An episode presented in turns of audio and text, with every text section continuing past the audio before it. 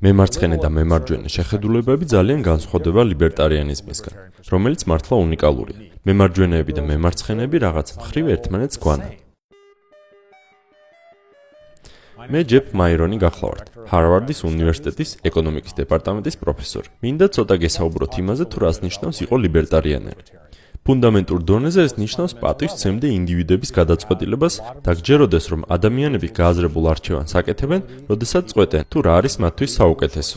ასევე ეჭვი უნდა გეპარებოდეს რომ თუ მთავრობა ინდივიდებს რაიმეს მათთვის არასასრუალის გაკეთებას დააძალებს, ამით ადამიანების ეკონომიკის ან საზოგადოების გაუმჯობესებას, გაკეთილშობილებას შეძლებს.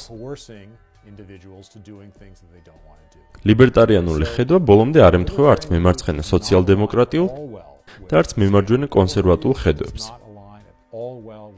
ლიბერტარიანელები ეწინააღმდეგებიან ნარკოტიკის და აბორტების აკრძალვას. ტოლერანტულები არიან გეი ქორწინების მიმართ. ისინი ფიქრობენ, რომ ცალკეული ინდივიდები თავად უნდა იღებდნენ გადაწყვეტილებებს და ცხოვრობდნენ ისე, როგორც უნდათ. ლიბერტარიანელი ასევე სკეპტიკურია ეკონომიკური პოლიტიკის მიმართ, ანუ ფისკალურად კონსერვატორია. ანუ თulis, რომ თავრობის მიერ დახარჯული თანხები აფერხებს თავისუფალ ბაზარს და ერევა ინდივიდის გადაწყვეტილებაში იცხოვრონ ისე, როგორც უნდათ.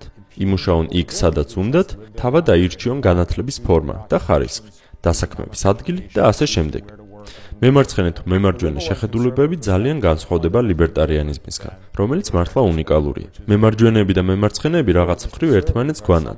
ორივე მათგანი ავტორიტარულია. ანუ ორივე თulis რომ იცის თუ როგორ უნდა იცხოვრონ ზოგადად ადამიანებმა და ცდილობს თავის ეს ხედვა ადამიანებს თავს მოახვიოს. ლიბერტარიანელები კი თვლიან რომ ინდივიდებმა თავად უნდა გადაწყვიტონ თუ როგორი ცხოვრება უნდათ საკუთარი თავისთვის. და თვლიან, რომ თავრობამ არ უნდა გვითხრას, რომ ესე ცხოვრება სწორია და სხვანაირად ცხოვრება აკრძალულია.